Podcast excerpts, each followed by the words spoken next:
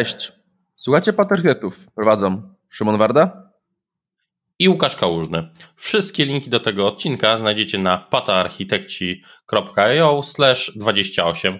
Przypominamy również o Facebooku i Twitterze, gdzie możecie znaleźć różne ciekawe rzeczy. Łącz, co, łącznie z rapsami. Tak, łącznie z ostatnim rapowaniem. Myślałem, że nie powiesz o tym. Tak, ostatnio rapowaliśmy w ramach Hot 16 Challenge i tak zainteresowanych tam odsyłamy. Być może pojawiliście się tutaj z tego, właśnie z tego wyzwania. Dobra, Szymon, to z linków co wygrzebałeś? Z linków nic technicznego, ale coś, co może mieć bardzo duże odbicie, jeżeli chodzi o techniczne. Mianowicie kolejne informacje, plotki o tym, że amerykański, amerykański Justice, Justice Department przygotowuje kolejny już antitrust lawsuit. I czym są antitrust lawsuit? To są generalnie y, bardzo duże z reguły kary, które, jak pamiętamy, może niektórzy pamiętają, one między innymi swego czasu o mało co nie doprowadziły do rozbicia Microsoftu z monopolu po prostu. To są pogłoski, oczywiście niepotwierdzone, ale to już jest trzecia pogłoska, ponieważ pamiętajmy, że Unia Europejska przygotowała prawie 3, 3 miliardową karę dla Google'a w kontekście manipulowania wynikami wyszukiwania pod kątem wyników wyszukiwania dla sklepów, Teraz jest opcja przygotowana a propos online, online advertising. Jeszcze jest kolejny, kolejny antitrust lawsuit w kontekście dominancji, jeżeli chodzi o rynek wyszukiwania. I tak, jeżeli byśmy mówili o pojedynczym, pojedynczej sprawie, to nie jest taki bardzo ogromny, nie jest, tak, nie jest taki pewnik, ale to już jest kolejny przewidywany sztorm, który się zbiera nad Googlem i nie oszukujmy się, ten, ta dominacja, jeżeli chodzi o wyniki wyszukiwania jest dość znacząca każdy, kto przeklina generalnie, że doksy Microsoftowe przepinają się na, na polskie wyniki, to właśnie, te, to właśnie dlatego, że Google teraz dużo mocniej promuje strony polskie. Znaczy, nie, broń, nie broń, Microsoft też próbuje promować lokalne języki. E, tak, jak najbardziej też przełączają, żeby nie było, e, ale to zaczęło się głównie z tego właśnie, że MS zaczął, czyli że Google zaczął dużo mocniej promować w wynikach wyszukiwania strony, które są w języku osoby wyszukującej. Tak, to i ocena pod mobilki. Znaczy to jest ciekawe, bo w Stanach chyba jest to, plus drugi, drugie takie nastroje są też antyamazonowe. Jest tak antygooglowe i antyamazonowe. Amazonowe są chyba zupełnie na takim naszym poletku, nazwijmy to gdzieś tam, raczej yy, na poletku gdzieś etyki innych takich rzeczy, monopoli w tych, tak. a Amazon gdzieś na części takiej biznesowej do, może, dostaje. Więc to jest ciekawy w ogóle trend, że to się może wydarzyć w tym roku. Co dla mnie jest fascynujące, to jak pamięta się powiedzmy e, te wszystkie rozmowy i wszystkie antitrust lawsuits sprzed 15-20 lat, to one się kręciły zawsze wokół Microsoftu. Teraz, jak mówi się o wszystkich anty, e, e, antitrust lawsuit, MS prawie nigdy nie pada w plotkach nawet tak naprawdę. Ogarnęli ten temat całkowicie praktycznie. Czy marketing robi swoje podejście, że, że jest to cloud first, ale em, jak to mają te swoje e, empowering every people and every company. Tak, ale tak. też są zgodni z wieloma i są bardzo proaktywni, że chodzi o wiele, wiele praw, chociażby w Unii Europejskiej, jeśli chodzi o prawa tak, to, to jest aku, akurat C gdzieś tam podejścia, tak, no jest, jest to du, duża zaleta, że trochę mają trochę inny PR w pewnych miejscach, który Dokładnie. może tak nie dotyka. Dobrze, Łukaszu, co u ciebie? Wiesz co, wpis jest taki, może w ogóle zupełnie z nami niezwiązany na pierwszy rzut oka, techniczny, na temat M365, Microsoft 365 i to jest wpis na takim starym polskim blogu WFiles, gdzieś tam jednego z takich dziadków community yy, Nexora i ma bardzo fajną perspektywę, która dotyczy zupełnie w ogóle architektury i wykorzystywania teraz produktów, mianowicie, że pewne funkcjonalności rzeczy trzeba oceniać w kontekście platformy. Czyli inwestycje, wykorzystanie, tam mówię akurat o mechanizmach DLP, ale chodzi o całość, że powinniśmy z myśleniem tak naprawdę przy tym, co teraz robimy, odejść od pojedynczych pudełek produktów, a skupić się na tym, jeżeli coś jest platformą, to cenić to dokładnie jako platformę czyli świadomie, czyli przestać myśleć, to właśnie Nexar bardzo fajnie uchwycił, żebyśmy przeszli, e, przestali usilnie myśleć e, on-premisowo o pewnych rzeczach, kiedy robimy to w świecie takim czysto cloudowym. Oni mówią to akurat od takiego tego modern workplace, całego takiego productivity, ale to na nasze takie części projektowania rzeczy, architektury, dobieranie rozwiązań też ma bardzo dużą rację bytu. Jak najbardziej tak. To jest ta, ta potęga, czemu Microsoft między innymi bardzo łatwo wchodzi w korporacje i czemu, czemu Azure jest problem w korporacjach, bo korporacje już z reguły mają umowy 365, więc ten ekosystem już jest otwarty. Tak, to jest słuszna bardzo uwaga. Dobrze. Ewentualnie nowe dokupienie to rozszerzenie. Tak. Dobrze, przejdźmy do naszego głównego tematu, bo kontynuujemy temat z poprzedniego odcinka i naszą całą serię, sagę można powiedzieć, o mikroserwisach, patologiach, overheadach i wszystkim, co tak, się wokół patoserwisach. O, bardzo dobra nazwa. Patoserwisy. To trzeba wypromować. tak. Dobrze, to o czym dzisiaj, Łukaszu? Dzisiaj bierzemy rzecz, o której już bardzo myślimy, a czasami podejmujemy decyzje i robimy, y, czyli o platformie aplikacyjnej, na której odpalamy nasze mikroserwisy, sposobie ich odpalenia. Konkretniej, nie myśląc teraz o bazach danych innych rzeczy, tylko ta część taka moc obliczeniowa, gdzie to faktycznie odpalamy. Czyli to, co będzie hostowało naszą warstwę aplikacyjną de facto. Tak, dokładnie, dokładnie. Dobrze. To skoro już mówimy o, tej, o tym poziomie i skoro to jest kontynuacja poprzedniego odcinka, no to zaczniemy od, od naszych obszarów analizy. Pierwszy obszar analizy, jak spojrzeć na nasze platformy. Wiesz co, i wyszło nam w naszych rozmowach i też jak przygotowaliśmy się, że pierwszym wymiarem będzie przenaszalność tego rozwiązania, bo dużo osób mówi o agnostyczności, vendor lockingach, multicloudach i innych rzeczach, więc pierwszy, na pierwsze idzie przenaszalność jako pierwszy taki wymiar do analizy. Dobra, drugi. Bezpieczeństwo i sieć, bo jest on istotny i w teorii potrafi kopnąć w tyłek. Tak, i tutaj wyjaśnimy, czemu połączyliśmy obydwie rzeczy, no bo często będzie tak, że bezpieczniki będą sensownie jak najbardziej, powiedzą, że ten izolacja, niektóre maszyny, żeby nie, nie były dostępne publicznie, jest ważne, więc to się liczy jak najbardziej w bezpieczeństwo. Trzeci wymiar.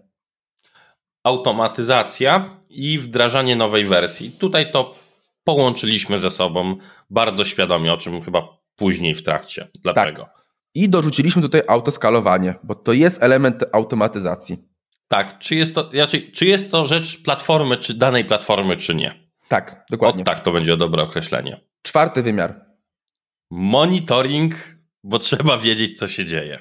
Tak, odsyłamy do odcinka o odcinków o observability, jakby ktoś miał wątpliwości. Ostatni? Najbardziej przez nas znienawidzony, czyli koszty. Bo, bo na koniec dnia ktoś się pyta, ile to będzie kosztować. Tak. No i wchodzi teraz tutaj wielka dyskusja, która nam trochę zamieszała w platformach, które będziemy omawiali. Czym mówimy tutaj na cloud i on-premise i będziemy rozróżniali, ponieważ są znaczące różnice przy użyciu konkretnych platform, więc to, to uprzedzamy, trzeba mieć na uwadze. Tak, niektóre rzeczy są połączone, bo w niektórych miejscach doszliśmy do wniosku, że trzeba to połączyć. Tak. W niektórych to rozbiliśmy. To w zależności od potrzeby. Dobrze, teraz przejdźmy przez platformy. Jaka jest pierwsza platforma? Bo idziemy niejako od dołu. Zaczniemy tak naprawdę od IaaS-u, częściowo pasu i kontenerów, czyli sposobie odpalania tych binarek naszych aplikacji. Przy czym o kontenerach teraz bardzo fajnie. Nie mówimy tutaj o kontenerach odpalanych w Kubernetesie. Tak, dokładnie. Czyli to jest kontener odpalany na usłudze albo goły na VMC, nie na Kubernetesie. Dobrze, to jak już idziemy do poziomu wyżej, to oczywiście kolejny poziom będzie Kubernetes. Kubernetes, tak. Kubernetes i tu będzie on rozbity faktycznie na dwa, na on-prem i na clouda, bo będziemy znacząco gdzieś wskazywać na te rozbicia. Tak, bo różnica jest znacząca i na, na faktycznie Kubernetes pozwala fajnie clouda wykorzystać. I trzeci poziom świadomości jest... To serverlessem, do którego też częściowo odsyłamy do jednego z odcinków, jaki w sumie o Kubernetesie, do jednych z pierwszych odcinków. Tak. I tu razu powiedzmy, że o ile są opcje serverlessa na on-premie, to tak naprawdę one są znikome i w naszej dyskusji raczej je, raczej je pominiemy. Jest KEDA, jest, jest e, Knative, ale no nie po prostu. No inaczej, to mieliśmy naszą wewnętrzną dyskusję i to się powiedzmy, że jeżeli będzie ktoś tego potrzebował, to wiedział i, sko i skorzysta z tego. To nie jest rzecz, którą trzeba wiedzieć i robić na siłę. Tak, i to wymaga naprawdę dużych organizacji, które by utrzymywały nową platformę de facto. W większości przypadków nie ma sensu w to iść. Idąc, tak naprawdę wchodzimy teraz, przeanalizujmy sobie tak naprawdę te kolejne platformy. Czyli mamy wymiary, mamy o czym będziemy mówili, to teraz przechodzimy przez kolejne punkty.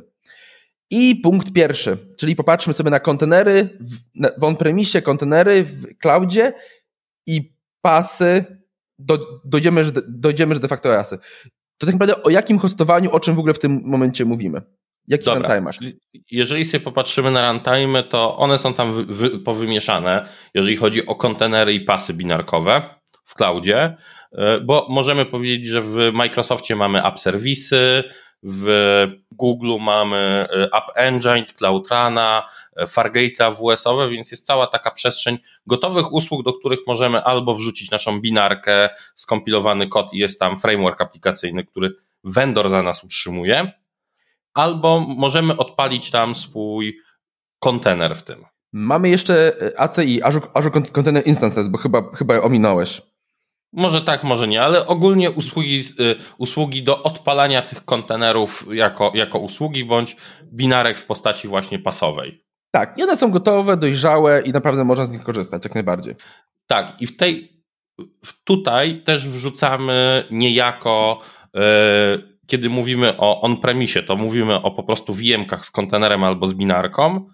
I tak samo też będziemy wspominać i przecinać yy, cloudowy IaaS cloudowe VM-ki. I teraz ważne, co przez to wszystko myślimy, to słuchajcie, to jest kontekst taki, że robimy to podręcznikowo, nazwijmy to podręcznikowo i lecimy z automatyzacją tych rzeczy, czyli nawet jeżeli korzystamy z IAS-u, to będziemy mówili o automatyzacji. To jest taki istotny wymiar, żeby się nie pogubić. To nie będzie, y, Szymon to świetnie określił, nie rdepujemy się do tej VM-ki, czy nie zapinamy sesji SSH, żeby coś skonfigurować. Tak, czyli sety ażurowe i generalnie konfigurujemy to, co nam chmura daje, czyli że konfigurujemy to, że nasze VM-ki się są dostawiane albo są usuwane z naszej, tak. naszej infrastruktury. Więc to ta perspektywa istotna, czy scaling grupy w AWS-ie. Dokładnie. Czyli tak. traktujemy to pasowo, dobra.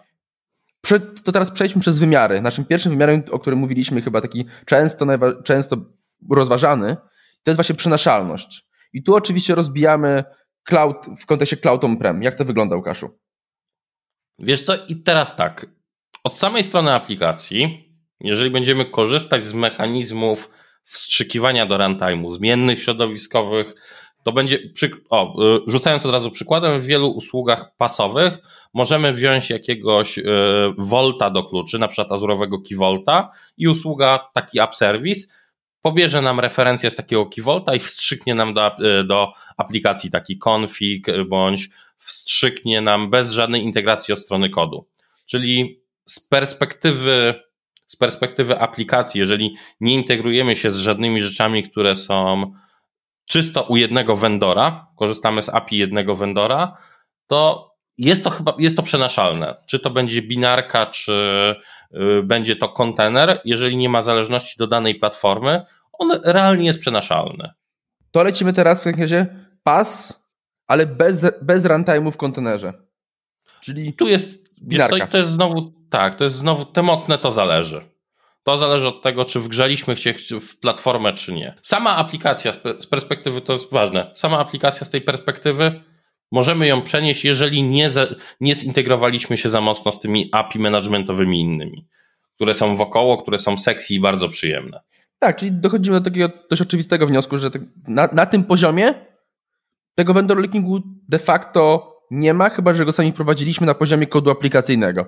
Tyle. Tak. On się pojawi potem z perspektywy danych, storage i innych rzeczy, z perspektywy daty czy okolic. Ale to już nie jest, to już nie jest wymiernie jako platformy. To lecimy dalej. Security. Tu rozwijamy już bardzo wyraźnie na cloud, na kontenery i kontenery takie cloudowe as a service i pasy versus on-premise i cloud IaaS. To będą takie dwa przecięcia. Tutaj słuchaj, jak tu się chyba zgodzimy, DDoS, lata, takie DDoSy, te części takie zabezpieczeniowe, one są przecudne tak naprawdę w warstwie, w warstwie pasowej, jeżeli tego używamy. Jeden rzecz, jeżeli chcemy to kontrolować, to potrafi bardzo drogo kosztować. Chociaż nawet jak powiedzmy czystym, czystym IaaSem, to mimo wszystko Azure i dowolny dostawca chmury ten, ataki, ataki DDoSowe nas obroni, bo to jest w jego interesie oczywiście.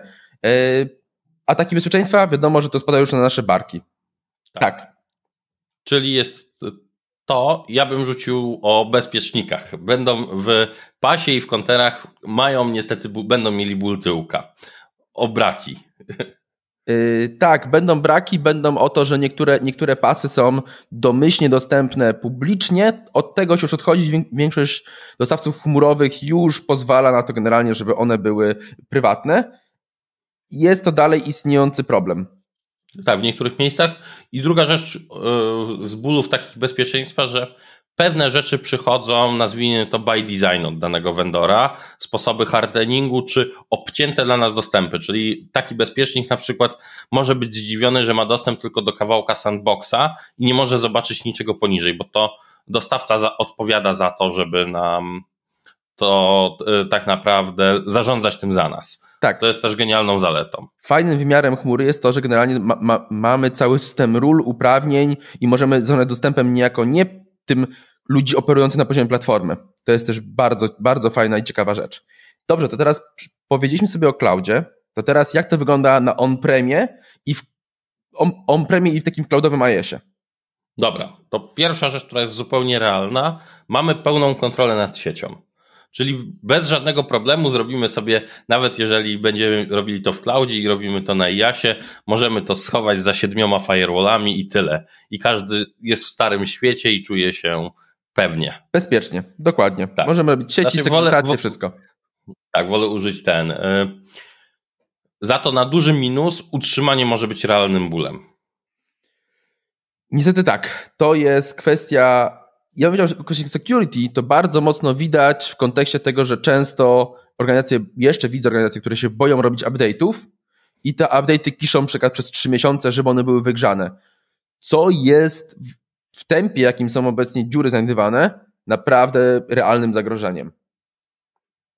Więc to. Mm, druga rzecz, troszeczkę powiedzieliśmy o kontenerach, że możemy taki workload odpalić jako kontener na takiej VMce bez żadnego Kubernetesa, co jak wiem, jeżeli wiemy, co robimy, to jest naprawdę takie standalone, standalone'owe farmy też potrafią się sprawdzić, w szczególności jak instancja potrzebuje dużo zasobów.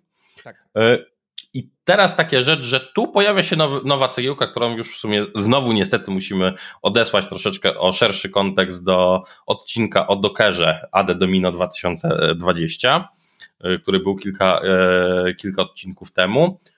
I tam jest cały kontekst security, bo trzeba będzie wokół kontenerów na przykład zbudować sobie całe flowy, całe flowy security. I są dwie części. Będzie CI/CD, której nie, teraz nie poruszamy y, od strony security, ale z drugiej strony utrzymanie tego y, i skanowanie tego w runtime, żeby mieć pewność, że wszystko jest ok. Tak, biorąc to wszystko w on-premie, bierzemy na siebie całą odpowiedzialność i to wygląda dużo gorzej. Dobra, kolejny wymiar. Jeżeli mówimy o automatyzacja, provisioning, czyli całe no, wgrywanie nowej wersji. Oczywiście zacznijmy od najprostszego, czyli na on-premie, gdzie na on-premie automatyzacja wygląda jak? Inaczej, jak sobie jej nie wystrugamy, to nie istnieje. Tak. Po prostu. I chyba trzeba powiedzieć, że ten punkt trzeci, teraz mi jeszcze taka rzecz e, wpadła do głowy, że ta automatyzacja razem z monitoringiem, o którym powiemy, i skalowaniem, to jest chyba takie klucz całych platform mikroserwisowych jeżeli tak. chodzi o część aplikacyjną. Potrzebne. Że to podkreślić, że to jest te mięso, które powinniśmy rozważać. Tak. To jest elementy, które nas nie bolały przy monolitach, przy takich systemach, które były wielkie, miały, miały monstrualne wiemki pod siebie. Przy, mikro, przy, serwisa, przy serwisowej aplikacji, przy budowaniu platformy, to nas dużo bardziej zaboli. To idziemy kawałek dalej. Cloud, Cloud IaaS. Wiesz co, Cloud IaaS. I teraz tak. Zacznijmy. Automatyzacja istnieje jest ona. Nie tr trzeba się trochę napracować i teraz co ważne, platformy nas wspierają w tym, czyli czy weźmiemy AWS-a, weźmiemy Amazona, czy weźmiemy Google'a, są praktyki, jak używać w pełni zautomatyzowanych IaaS-ów i ważne, nie trzeba tego wymyślać na nowo. Są packery, deployment skrypty dla instalacji, y, Cloud Inity, więc jest duża mnogość opcji, dostarczenia, tej apli dostarczenia aplikacji, jak i powołania tego środowiska. Tylko trzeba nie wymyślać koła na nowo. I fakt, trzeba się będzie troszeczkę napracować. Na, tak. przy, przynajmniej na starcie. Ja tu dodaję, zawsze dodaję takie jedno ostrzeżenie, że nie wolno patrzeć na tę automatyzację, szczególnie w kontekście skalowania, jako na taki srebrny y, pocisk, który gdzie przeskalujemy się w ciągu ułamek, ułamków sekund. Nie, nie, nie, to z reguły trwa, i trzeba brać na to poprawkę, więc generalnie i sama konfiguracja, samo zdefiniowanie, jak powinno wyglądać skalowanie, też nie jest łatwym procesem. Trzeba na tym się pochylić i poświęcić na to, na to trochę czasu. Tak, ale inaczej, skalowanie, platforma nas w skalowaniu wspiera, jak już tak. umiemy wystawić odpowiednie metryki. Zgadza się jak najbardziej. Dobrze, to teraz idziemy generalnie na taki, na cloudowego pasa. Dobra, i z cloudowym pasem jest tak. Moglibyśmy określić, patrząc się o stronę automatyzacji, no to jest po prostu super. I tutaj nie możemy, nie ma co powiedzieć. Większość posiada toolingi z perspektywy takiej DevOps Experience, Developer Experience, to jest już dojrzałe w, w kontekście automatyzacji. Jest dużo róż, jest mnogość opcji, które możemy wybrać i będą poprawne. Zgodzę się jak najbardziej i ja nie ukrywam, że jestem dużym fanem, jeżeli chodzi właśnie o cloudowego pasa, bo daje taki doskonały środek e, w kontekście trudno, w kontekście wejścia i daje też, też ten całe piękno, jeżeli chodzi o skalowanie chmurowe. Z jednym ale. Zostawmy to na podsumowanie. Tak, z jednym ale. Ta filozofia dostawcy i walka z tym, że każdy dostawca robi to trochę po, po swojemu i walka, szczególnie na poziomie aplikacyjnym, jak to powinno wyglądać, nie jest dobrym pomysłem. Go with the flow. Inaczej, dokładnie, go with the flow. To jest taki w ogóle inaczej. Przy cloudzie to jest podstawowe, nie walczymy z filozofią dostawcy. Koniec. Tak. Jeżeli tak rekomenduję i sami nie rzeźbimy czegoś niesamowitego, to nie ma sensu. No i skalowanie. Yy, tutaj o inaczej, moglibyśmy, że jest super, bo tak jest, ale są pewne przypadki. Takie ACI w Azurze się nie skalują. Nie można powiedzieć, że chcemy mieć 10 e, instancji tego samego kontenera, bo trzeba sobie to zrobić w jakimś template, skrypcie innej rzeczy, więc tak? nie ma takich autoskalerów w tych. Ale mamy autoskalowanie na, na poziomie app serwisów, gdzie możemy to zrobić. Odpowiednio tak. do, do, konkretne, do konkretnego przypadku użycia. Tak, więc to są, nazwijmy to jest właśnie te przejście, o którym trzeba pamiętać. Tak. Yy, kolejny wymiar, monitoring. I idziemy pierw cloudowe. Dobra, cloudowe no po prostu jest basic i to, co dają dostawcy, po prostu jest godne już do użycia. O tak, można tego spokojnie użyć. Y, niektórzy mogą narzekać, że na danej platformie czegoś im brakuje albo mają wąski zakres do użycia, no ale to jest cena tego, że jest to wygodne i szybkie do zrobienia. Tak, to co ja lubię, to jest to automatyczne wstrzykiwanie agentów do monitorowania do wewnątrz VM, czyli my się tym nie martwimy, tylko vm którą dostajemy niby z czystym systemem operacyjnym, jeden przycisk i mamy tam agenta, który nam, który, który nam zbiera wszystkie, większość metryk takich na poziomie systemowym. Tak, albo 10 linijek w Terraformie czy w Armie, które mówią, że ma być zdeployowany razem z tym wszystkim. Tak, i to jest bardzo, bardzo wygodne, bo znowu idąc teraz dalej na on-premie, jest z tym gorzej. Więc jak ma tak, na on-premie? Raczej, Raczej jeszcze trzeba dodać, są też third party usługi, które się monitorują, tak. ale nie tak genialnie, bo tak, bo musimy coś już e, zadawać od tego. Tak. No dobra, i on-prem. Jeżeli wykorzystamy tool sasowy, no to może być fajnie. O, jeżeli wykorzystamy skoniecz- sasowe toole do monitoringu. Tak, jest tego sporawo, nie są z reguły tanie. To trzeba, to trzeba zaznaczyć. Tak, raczej tak. I druga opcja jest taka, że kiedy niestety musimy z jakichś przyczyn mieć ten monitoring on-premowo, lokalnie razem z tym, to tak naprawdę mamy dwie opcje. Albo budujemy coś samemu, bierzemy jakiegoś Elka, Grafanę, Prometeusza, Jaggera, no, albo kupuj, wydajemy worek kasy na, na nie wiem, Splanka, Dynatrace'a. Tak, i pamiętajmy, że jak się wchodzi w cenniki, szczególnie w Splanka, to doskonale teraz można zrozumieć, czemu te cenniki wyglądają, jak wyglądają, bo to jest dość wąskie grono klientów, które za bardzo nie ma wyboru. Tak. Po prostu. Regulacje mówią, że dane o logach muszą być u nich, koniec, kropka. Kropka. Albo z potem, a potem zarchizowane na 5 czy 10 lat i prawnicy mogą jeszcze nie pozwolić tego po tym czasie skasować, bo tak, coś. Może być, dokładnie. Więc I... tak, i teraz ważne, on, y, IASa liczy, liczymy tutaj taki IAS cloudowy, liczymy do clouda, bo możemy wykorzystać sobie stamtąd, a jak ktoś chce, no to może się skrzywdzić i budować własny stos, bo może mieć to w niektórych miejscach, jeżeli coś robimy dużego, może gdzieś ten własny stos przy Cloud IASie mieć sens. Jak najbardziej. Dobra, ostatni wymiar, koszty. Dobra. E, zaczynając może od on-premisu, to jest bardzo ciekawe, bo jest to. E, to jest też tak trochę moja zmiana myślenia w ciągu ostatnich dwóch lat, bo są to koszty inwestycyjne. Czyli zazwyczaj taki on-prem to są koszty inwestycyjne E, Wyjaśnij Łukaszu, czym jest koszt inwestycyjny. Czyli taki, który robimy jednorazowo, a potem amortyzujemy sobie księgowo. I te koszty, czyli tak zwany CAPEX. I on, y, mimo że marketing o cloudzie mówi, że OPEX, OPEX jest taki świetny, Wyjaśnij w wielu OPEXa. branżach OPEX to są koszty operacyjne, czyli takie koszty, które płacimy co, co miesiąc. I teraz co ważne, w wielu branżach, mimo mówionego marketingu przez dostawców cloudowych, ten capex nie jest zły, jest nawet preferowany względem kosztów operacyjnych, ze względu na to, jak są robione jak są robione wyceny, inne rzeczy, w jaki sposób są raporty giełdowe, inne zabawki wystawiane, za co zarząd jest nawet wynagradzany i za co ma bonus CFO, więc jest różna perspektywa, ale tak, czyli on-premise to jest zwykle, to będzie rzecz inwestycyjna, upfrontowo. E, druga rzecz, mm, trudno policzyć taki prawdziwy, takie TCO, pełne TCO z mojej perspektywy to często się, e, często widziałem, że w wielu nawet dojrzałych organizacjach był z tym problem. To ja jeszcze wyjaśnię, TCO, Total Cost of Ownership, całkowity koszt posiadania. Tak. To, dobra.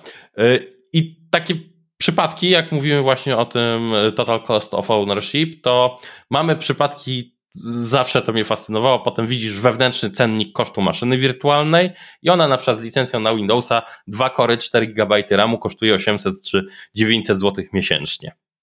Ale w niektórych to, organizacjach jeszcze więcej. To masz jeszcze dobry case, że te koszty są widoczne. Często w ogóle te koszty są, że tyle, potrzeb, tyle potrzebowane i de facto na poziomie zamawiającego nie jest to widoczne, co często, bardzo często prowadzi do overprovisioningu, bo bierzemy na zapas albo bierzemy sytuację, kiedy, bo i tak obetną.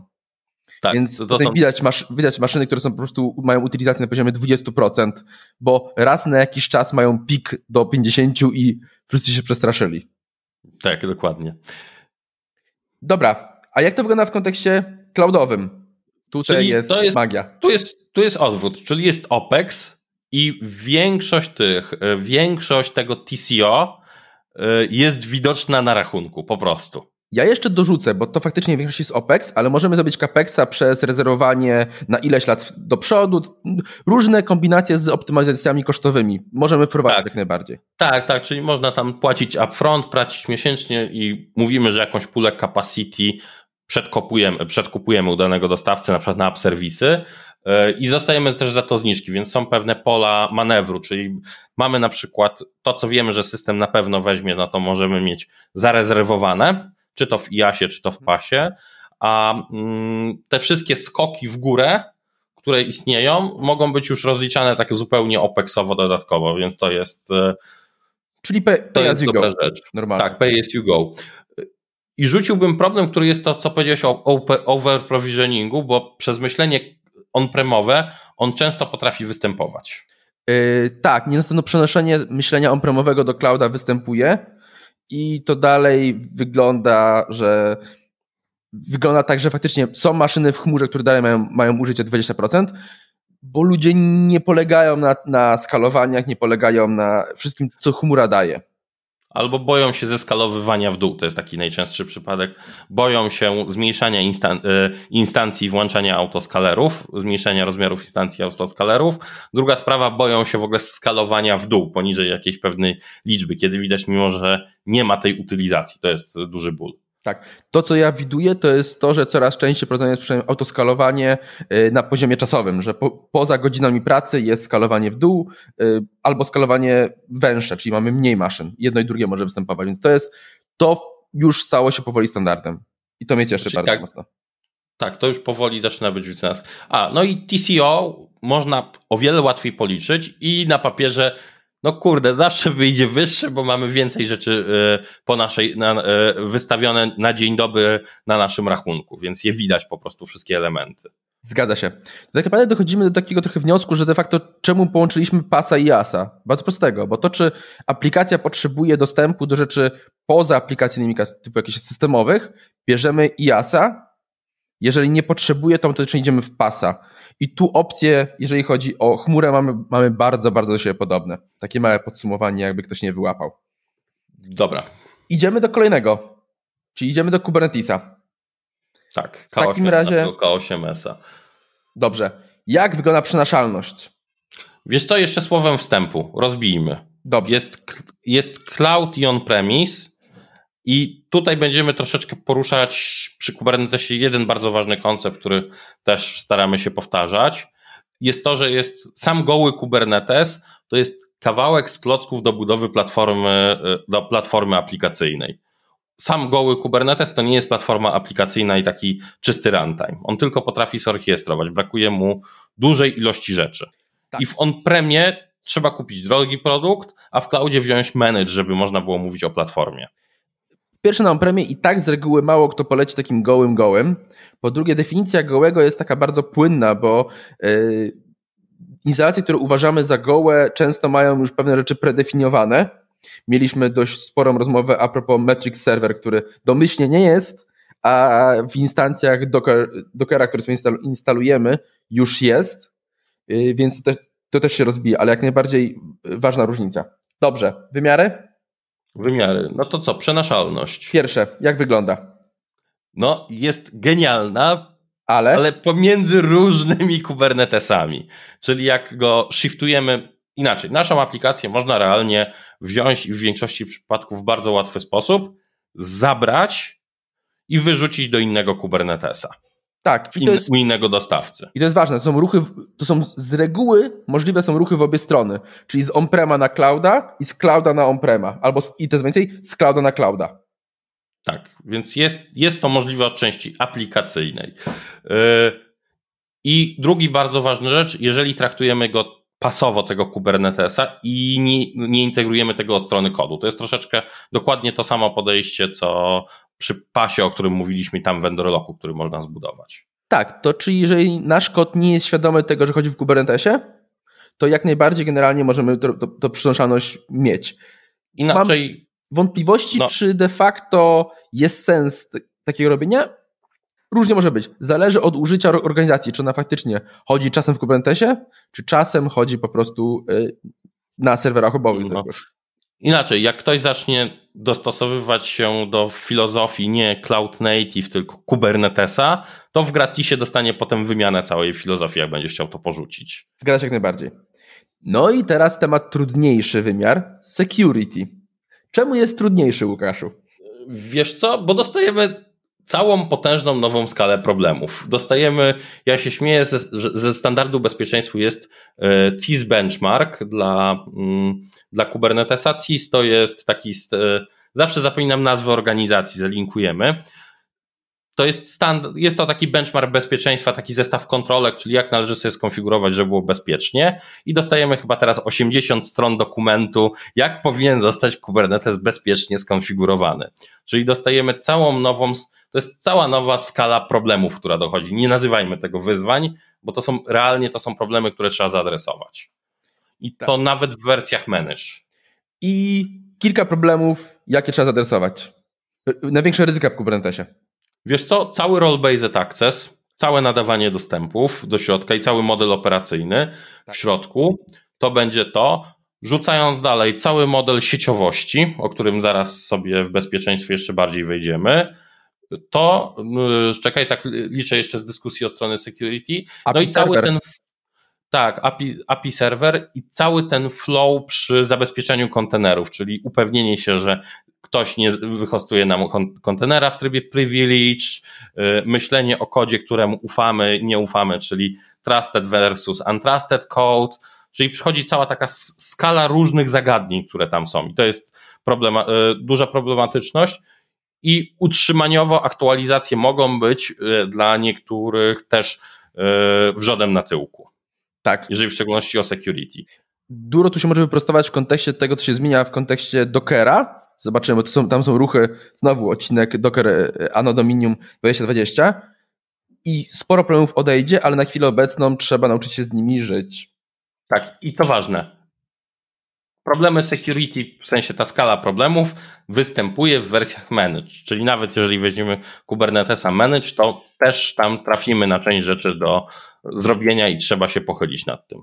Dobrze. Wspomniałeś o sieci. I sieć w Kubernetesie to jest fajny temat, co tam, co tam może pójść nie tak, a co może pójść ok. Dobra, pierwsze, poziom abstrakcji. Jeżeli ktoś nie siedzi w opsowych bebechach, nie ma gdzieś tam backgroundu opsowego albo nie interesuje się siecią, to poziom abstrakcji, który w środku jest, potrafi wprowadzić ból głowy. Naprawdę, ludzie nawet, yy, osoby nawet zaawansowane mogą mieć problem z ilością abstrakcji, które tu latają. Tak, i co ważne, pamiętajmy, że te sieci, które mamy w Kubernetesie, to nie są te sieci, które znamy od 40-50 lat. To się zmieniło, więc niejako poziom umiejętności ludzi jest też dużo, dużo niższy. Taki on jest troszeczkę narzeźbiony tam, nazwijmy. Ta, ta sieciówka została dorzeźbiona po obsowemu, zdaktapowana w niektórych miejscach. I co przez to? Łatwo się skrzywdzić. O tak, ja to określę po prostu jako łatwo się skrzywdzić, dając przykłady, w szczególności w cloudzie, łatwo przez pomyłkę wystawić swoją aplikację bezpośrednio na świat. Tak.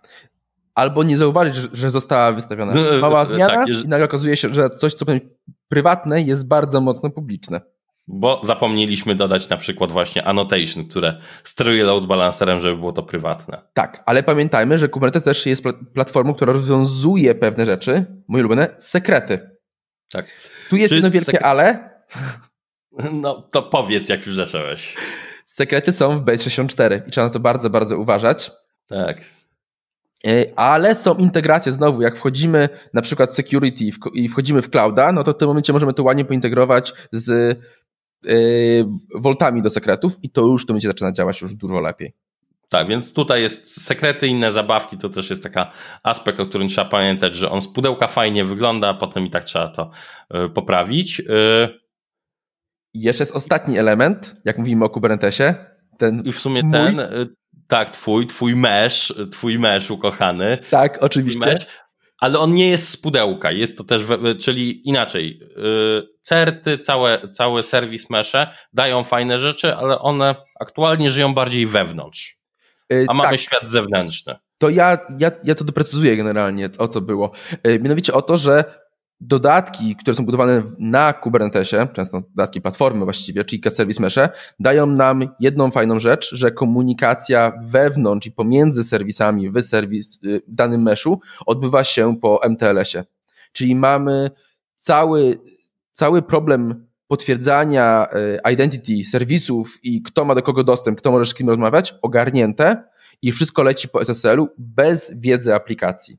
I to jest częsta, częste wymaganie, jeżeli chodzi o bezpieczeństwo w wielu systemach, dużych, dużych organizacjach i częsty powód, czemu firmy idą właśnie w serwis mesha. O tym trzeba pamiętać. Zgoda, zgodzę się w pełni. Nie jest to z pudełka. Często nawet mesze nie mają tego domyślnie, domyślnie włączonego. Jest to jednak feature, który dużo łatwiej jest zrobić w meszach i na Kubernetesie. Dobrze. Dob dobra. Kolejny obszar. Automatyzacja. Dobrze, automatyzacja. I to jest bardzo ważne, tak. Jeżeli już go mamy, jest fajnie i genialnie. Jeżeli ten Kubernetes już jest stoi gotowy do akcji. Tak, konfiguracja Kubernetesa i kwestia tej platformy, która nie jest platformą, nie jest trywialna i wymaga sporo wiedzy. Tak, więc sobie tak, zostawmy, czyli jeżeli mamy wdrożonego, to jest plus. Jeżeli na przykład zaczynamy projekt i mamy wdrożyć Kubernetesa, y, to ode mnie zawsze będzie to samo. Idź, weź z pudełka, jeżeli robisz on premie, weź, nie wiem, Ranchera z supportem, najlepiej OpenShifta, weź wszystko jak producent mówi i tego użyj, bo zazwyczaj potem trafisz na różne ciekawe rzeczy. W cloudzie użyj Managed, i weź wszystkie gotowe komponenty, jeżeli zaczynasz z, z Kubernetesem. Inaczej się zakopiesz i przepalisz kilka sprintów, y, czy co tam masz w projekcie, w backlogu, przepalisz y, godziny na to, żeby przygotować sobie, przygotować sobie środowisko. To jeszcze dopowiem. Jak idziesz w chmurowego, pierwsze, że weź wszystkie komponenty tak i weź integracje, które chmura oferuje, bo to, to jest też bardzo ważne. Y, rzecz, która jest wspaniała natomiast, jeżeli chodzi o Kubernetesa, to są oczywiście deploymenty aplikacji. No, to, co powiedzieliśmy, to, co powiedzieliśmy, że właśnie te deploymenty, jak już jest, jest genialne. Całe, cała idea, że orchestrator jest w stanie zrobić deployment i praca po naszej aplikacji jest nieduża. To jest tak naprawdę implementacja potem health checków w odpowiedni sposób. Dokładnie. I doprecyzujmy. Mamy tu blue greeny, mamy tu kanary, mamy tutaj bardzo dużo opcji. Tych opcji jest jeszcze więcej, jak na to dorzucimy mesza. Ale to już jest osobny temat. Co jeszcze jest yy, fajne? Autoskalowanie. Y, chyba raczej, przepraszam, autoskalowanie z to zależy. Tak. To mów o gwiazdkach. Gdzie i co? To zależy. Autoskalowanie ma dwa wymiary, czyli ma wymiar, pierwszy to jest aplikacji, a potem zasobów całego klastra. I w cloudzie, i w on-premie fajnie, bo wszystko to się robi. W sensie aplikacja może się skalować w obu tych przypadkach. Potem zaczyna się zabawa z dostawianiem nowych instancji. I tak jak w cloudzie, no to jest. Doprecyzuję, nowych maszyn do klasy. Nowych maszyn. Y, nowy, o może tak, nowych instancji maszyn w klastrze. Tak, to jest dobre, y, dobre doprecyzowanie. Więc dostawianie nowych instancji to jest już y, w on-premie klastry są zazwyczaj statyczne. Tak. I się nie oszukujmy. A w cloudzie jest to po prostu z pudełka. I to właśnie są te integracje, o których mówiłem. Wykorzystajmy to, bo to jest ta potęga, która naprawdę się nam przyda. Znaczy, której w teorii, w teorii włączasz po prostu, jeżeli bierzesz manage, w GKH chyba w ogóle jest z pudełka, mówisz min, max i jazda potem. Dokładnie. I potem trzeba skonfigurować tylko e, skalowanie aplikacji, żeby to się zadziało. Dobra, monitoring. To wymiar. Przepraszam. Dobra. E, reguła jest tak. E, prawdziwy monitoring dla, oczywiście dla synku i tam ruchu sieciowego to są mesze czy jakieś twistlocki, akły, żeby zobaczyć co się dzieje w środku. E, jeżeli chodzi o resztę, mm, to w gołym nic nie ma, więc musimy wziąć jakieś gotowe komponenty, zbudować sami. To, to będzie to samo, co już mówiliśmy, żeby się nie powtarzać przy e, IASie on-premowym. Czyli albo bierzemy gotowe rozwiązania, albo y, i sobie dostawiamy w on-premie, albo w cloudzie bierzemy to, co jest jakiś dostawca czy SaaS do tego monitoringu. Tak, jest trochę Bo lepsze zbieranie w Kubernetesie, ale dalej to nie jest nic idealnego. Musimy doinstalować komponenty, żeby to było wspierane i to jest dalej monitorowanie na poziomie z reguły po prostu samych kontenerów. No i to jest ten Metrix serwer, który już tak bebechem Szymona zaskoczyłem akurat, jak to omawialiśmy. Że, tak, że takim to... jakbyście postawili gołego Kubernetesa na przykład y, Cube ADM-em, który jest tam takim często jednym z prostszych sposobów, to nie ma tego Metrix serwera. Tak, jest to faktycznie, że taki goły, goły Kubernetes. Dobrze, koszty. Ludzkie są znaczące, bo trzeba się przy tym nagrzebać. Tak. I to w, i w cloudzie, i w, nieważne gdzie. W niektórych jest prościej. W cloudzie oczywiście jest łatwiej, bo jednak to autoskalowanie, te integracje są za nas załatwione. W on-premie? No tak, to są już, te koszty ludzkie są znacznie wyższe, bo musimy wybudować to wszystko pod spodem. Jeżeli nie weźmiemy gotowca, e, i właśnie, jak chcesz mieć wsparcie albo gotowca, to licencjonowanie niektórych potrafi zabić. Nie jest tanie, ale jest często po pierwsze wymagane, po drugie jak najbardziej zasadne i jak się pobawimy już próbą postawienia Kubernetesa na on-premie ręcznie, to już rozumiemy, czemu te licencje tak wyglądają. Tak. No i tam będzie potężna ilość różnych y, meandrów, które będą produkować koszty. Na przykład sposób, jak zrobimy load balancery, może jakaś integracja z F5, żeby to się zachowywało natywnie. Potem może, potem może okaże się, że dedykowana F5 albo dedykowany FortiGate, bo nam security nie pasuje. I jest tam dużo takich meandrów, które leci. Dobrze, to zamykamy Kubernetesa i przechodzimy do ostatniej, ostatniej platformy, serverlessa. Dobra. I tu kilka słów wstępu. Pierwsze. Mówimy tutaj, są rzeczy na niby na on-prema, ale powiedzmy sobie, to nie są platformy wtedy, to jest wzięcie jakiegoś frameworka, więc tu w serverlessie skupiamy się tak naprawdę tylko na cloudzie i tak naprawdę na e, function as a service, jeżeli popatrzymy na coś, co pozwala wywoływać nasz kod. Tak. I tu od razu powiem, bo to jest jeden, jedna rzecz, która nie pasowała nam do żadnych z wymiarów, ale pamiętajmy, że to jest wybitnie platforma, która będzie nas karała za pisanie większych serwisów, większych kawałków kodu.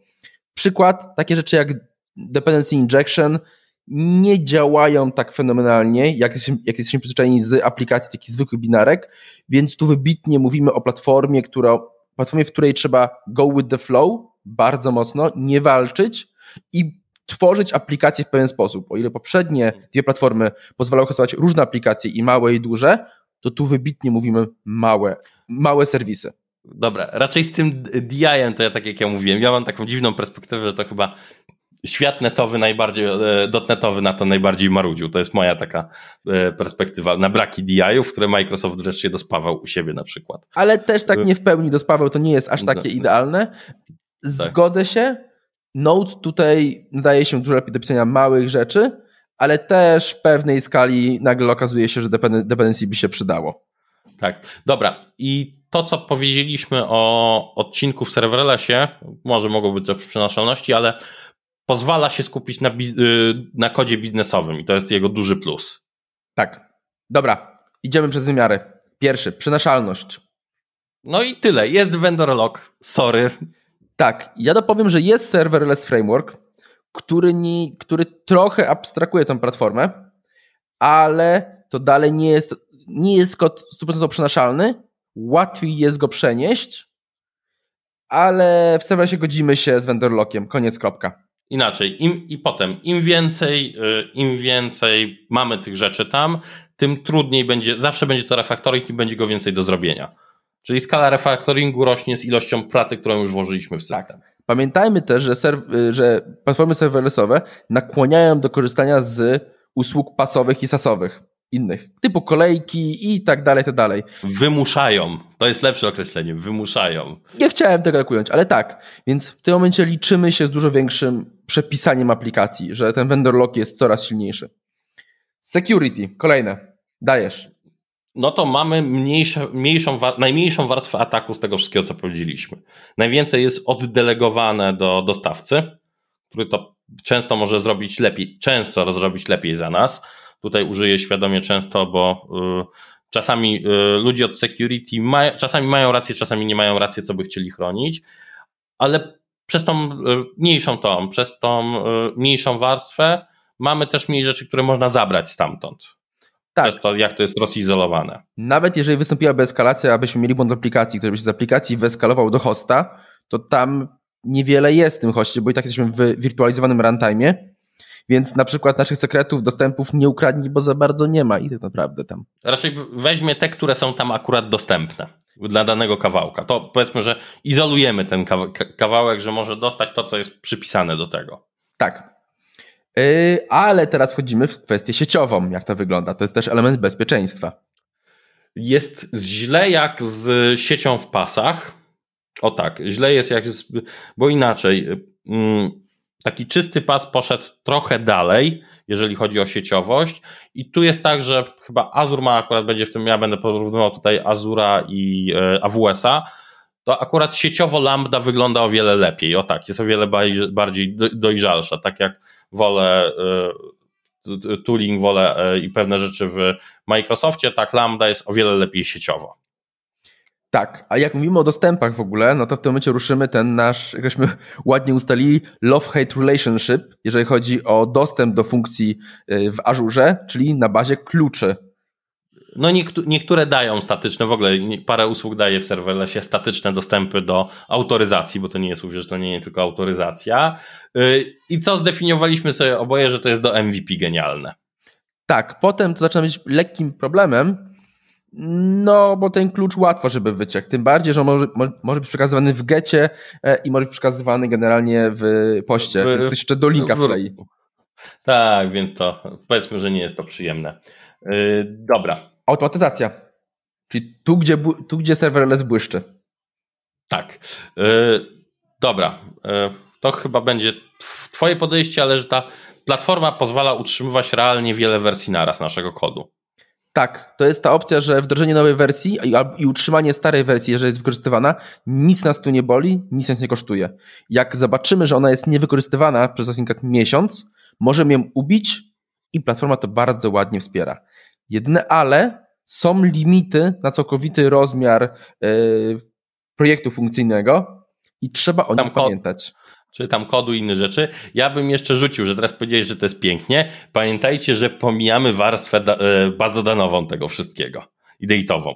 Tak, bo inaczej byśmy, byśmy się zakopali w tak. temacie do, do długa, długa. I tak już jest długo, dobra. E, To jeszcze, dorzu- to jeszcze dorzucę. Mi brakuje tutaj gen- tego, co się jest w Kubernetesie, czyli całego canary deploymentu, ładnego przełączania i wsparcia plat- w platformie na to, żeby, ten, żeby tym ruchem ładnie orkestrować. Ty skontrujesz to, że w tym momencie od tego mamy API Gateway, ale to też przydałoby się do ruchu No, wewnętrznego. Dzięku, dziękuję, dziękuję. tak, więc to jest, to może być, tak, to jest tam e, cała ta zabawa. No, inaczej, budowanie jeszcze tych, czy- inaczej, serverless też każe zabudowanie tych chainów, jak ludzie budują, implement, w jaki sposób implementują potem, że jest, e, są duże chainy synchroniczne i tutaj gdzieś e, potem całe orkiestracje tym e, powinny być zrobione. Tak. Elementem, który jest bardzo upierdliwy, jeżeli chodzi o automatyzację, który potrzebny przy automatyzacji, to jest cała stworzenie mapy serwisów. Kubernetes nam to daje niejako trochę, a tutaj Niejako. na ilość, tak, z racji na ilość, zbudowanie tej mapy serwisów tylko z observability może nam wynikać. Dobra. E, I na papierze autoskalowanie jest cudowne w tym. Tak, są kruczki z dostrajaniem jak najbardziej, ale zgodzę się, zgodzę się, że tutaj skalowanie, znaczy zakładamy, że jak mówimy o Azurze, mówimy o consumption planie, nie mówimy o tym planie hostowanym. Tak. Znaczy, jeżeli mówisz tam Azure. I w AWS-ie też Lambda inaczej, to z tym autoskalowaniem, w ogóle inaczej, z autoskalowaniem, cold startami dużo dostawcy robią, więc to jest ciągle taki płynny, yy, płynny tem, bardzo płynny temat, to tak. Tak. Monitoring.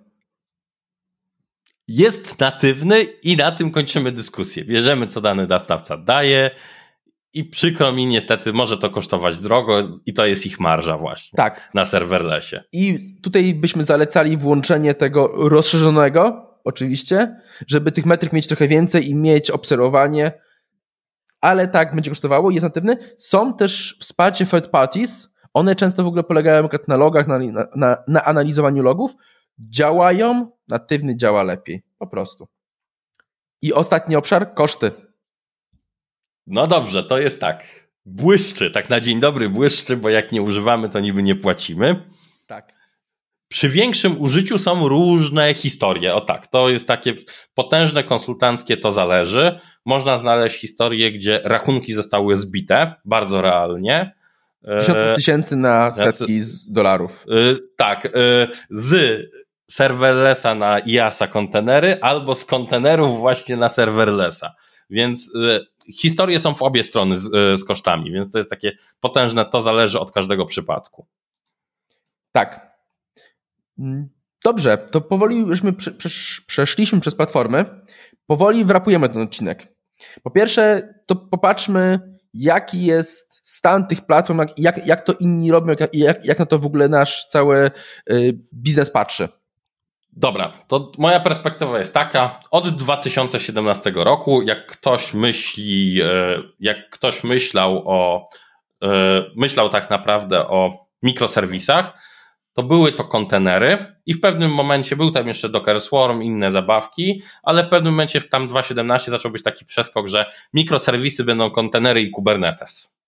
Tak. I Kubernetes podbił serca i umysły. Tak. Y, Można znaleźć przykłady, gdzie ludzie jeszcze używają Swarma, używają gdzieś y, pełnej automatyzacji na samych kontenerach IaaSów, ale to z mojej perspektywy, y, o inaczej, Kubernetes nie jest, jeżeli ktoś robi mikroserwisy, to często ten Kubernetes jest i nie jest to tylko rzecz, która jest taka mocno zhypowana, ale ona gdzieś też niestety w tym ekosystemie występuje realnie. Zgadza się. No, jest to powoli standard rynkowy, to o czym rozmawialiśmy, to, że obaj widzimy tą szansę, że de facto ten opis infrastruktury w formie YAML zostanie. Czy to będzie dla Kubernetesa, czy będzie dla innych platform, ale to będzie, bo to ma sens jak najbardziej. Tak, tak, tak, tak, ma sens. I co ważne, jeżeli chodzi o K8S, to znowu, kurde, wychodzi nam odcinek o nim. Ech, jak tego nie lubię. Y, To on jest teraz w tym momencie na y, szczycie y, tej górki adopcji. Jak sobie popatrzymy na wykres, to jest chyba ten moment, gdzie dochodzimy już do tej górki. Tak. To teraz przejdźmy nasze opinie, czyli kiedy używać, kiedy nie. Łukasz, lecisz Dobra, to- pierwszy. Dobra, to będzie takie, że zacznij od pas bardzo często, jeżeli masz clouda. Zgadzamy się. E, tak. Jeżeli masz e, dużo kontenerów, weź, e, weź Kubernetesa, ale takiego gotowego. Nie buduj sam platformy aplikacyjnej. Jeżeli nie masz zespołu, który będzie utrzymywał platformę aplikacyjną, jest w stanie to dostarczyć, zbudować, to weź gotowca i o tym zapomnij, pogódź się, że się nie pobawisz, bo tego nie są projekty najczęściej, czyli nie, pobaw, nie baw się na koszt klienta y, wewnętrznego czy zewnętrznego. Y, jeżeli robisz MVP i możesz, to użyj serverlessa, ja jestem w tym zakochany, pod tym względem, w szczególności do jakichś małych, szybkich rzeczy albo y, startów, w szczególności, że potem ten kod biznesowy łatwo zabrać, jak, łatwo go zabrać, te kawałki kodu biznesowego. E, jak gdzieś tam użyjesz potem zwykłej relacyjnej bazy danych, innych zabawek, które są e, dostępne, albo będziesz przechodził na pasa. I jeżeli chodzi o IASA, czy to on-premowego, czy tego mocno on-premowego, czy takiego mocno zautomatyzowanego, on jest ciągle naprawdę spoko. No, pod warunkiem, że masz dobrych opsów, devopsów, którzy potrafią to robić. Tak, jak się organizacja dojrzała w tym obszarze, to jak najbardziej czemu nie. Dobra, to teraz trochę moja perspektywa. Zgadzamy się w zupełności z tym, że zacznij od pasa. Taki dobry środek w kontekście progu wejścia, dojrzałości platformy jak najbardziej. W kontekście Kubernetesa zgodzę się z Tobą, że jak masz dużo kontenerów, używaj Kubernetesa. Ja jeszcze jeden wymiar widzę. Jeżeli masz potrzebę, że musisz być uruchomiony na on-premie i w cloudzie, tu dla mnie nie ma lepszego wyboru niż Kubernetes, po prostu to przenaszalność, o której, o której mówiliśmy z clouda na on-prema, z clouda na clouda, z on-prema na clouda, błyszczy, jak najbardziej wykorzystujmy. Jeżeli chodzi o serverlessa, ja jednak chyba to MVP bym odpalił na pasie. Yy, ale jest jeden wymiar, gdzie dla mnie yy, jak najbardziej serverless błyszczy i to w AWS-ie i w Azure. To są durable functions i step functions, czyli orkestrowanie innymi procesami biznesowymi przez, przez sagi, które są wspierane właśnie w serverlessowych, które są świetnie zaimplementowane. One naprawdę działają super, są Dobrze. widoczne, w kodzie aplikacji dużo gorzej wyglądają. Proszę, powiedz mi jeszcze tą rzecz, którą powiedziałeś przed nagraniem do tego, do podsumowania. Tak, jedna ala. Tak, to jest durable functions i te funkcje, powiedzmy step functions, one służą do orkestracji to nie jest na dziesiątki tysięcy wywołań na sekundę. Tak, synchronicznych. Yy, tak, synchronicznych. Pamiętajmy, że to jest do orkestracji. Orkestrator z definicji, jak patrzymy na wzorce komunikacji synchronicznej i synchronicznej systemów rozproszonych, to jest coś, co tylko mówi, co powinno być zrobione i bardzo szybko koń, kończy swoją pracą. Tylko dobry menadżer, powiedzmy sobie. Tak, tak, bez tak. Więc bez ja, mikrozarządzania. Więc ja taką y, chciałbym wyróżnić jedną patologię po tym odcinku Dajesz. Jeżeli pozwolisz, taka to takie będzie koniec. E, to jest ten bawienie się tym Kubernetesem na siłę. O, to będzie taka patologia, żeby zachować tą patologiczność. To jest to wchodzenie bez zrozumienia w Kubernetesa, że jest tam y, tylko serce i marketing, umysłu zabrakło. E, tak, że jeden zespół wchodzi w Kubernetesa, a nie cała firma, bo to, to, to jest budowanie platformy w ten sposób. Tak. Zgadza się jak najbardziej. Dobrze, kończymy ten odcinek. Dzięki. Dzięki, na razie.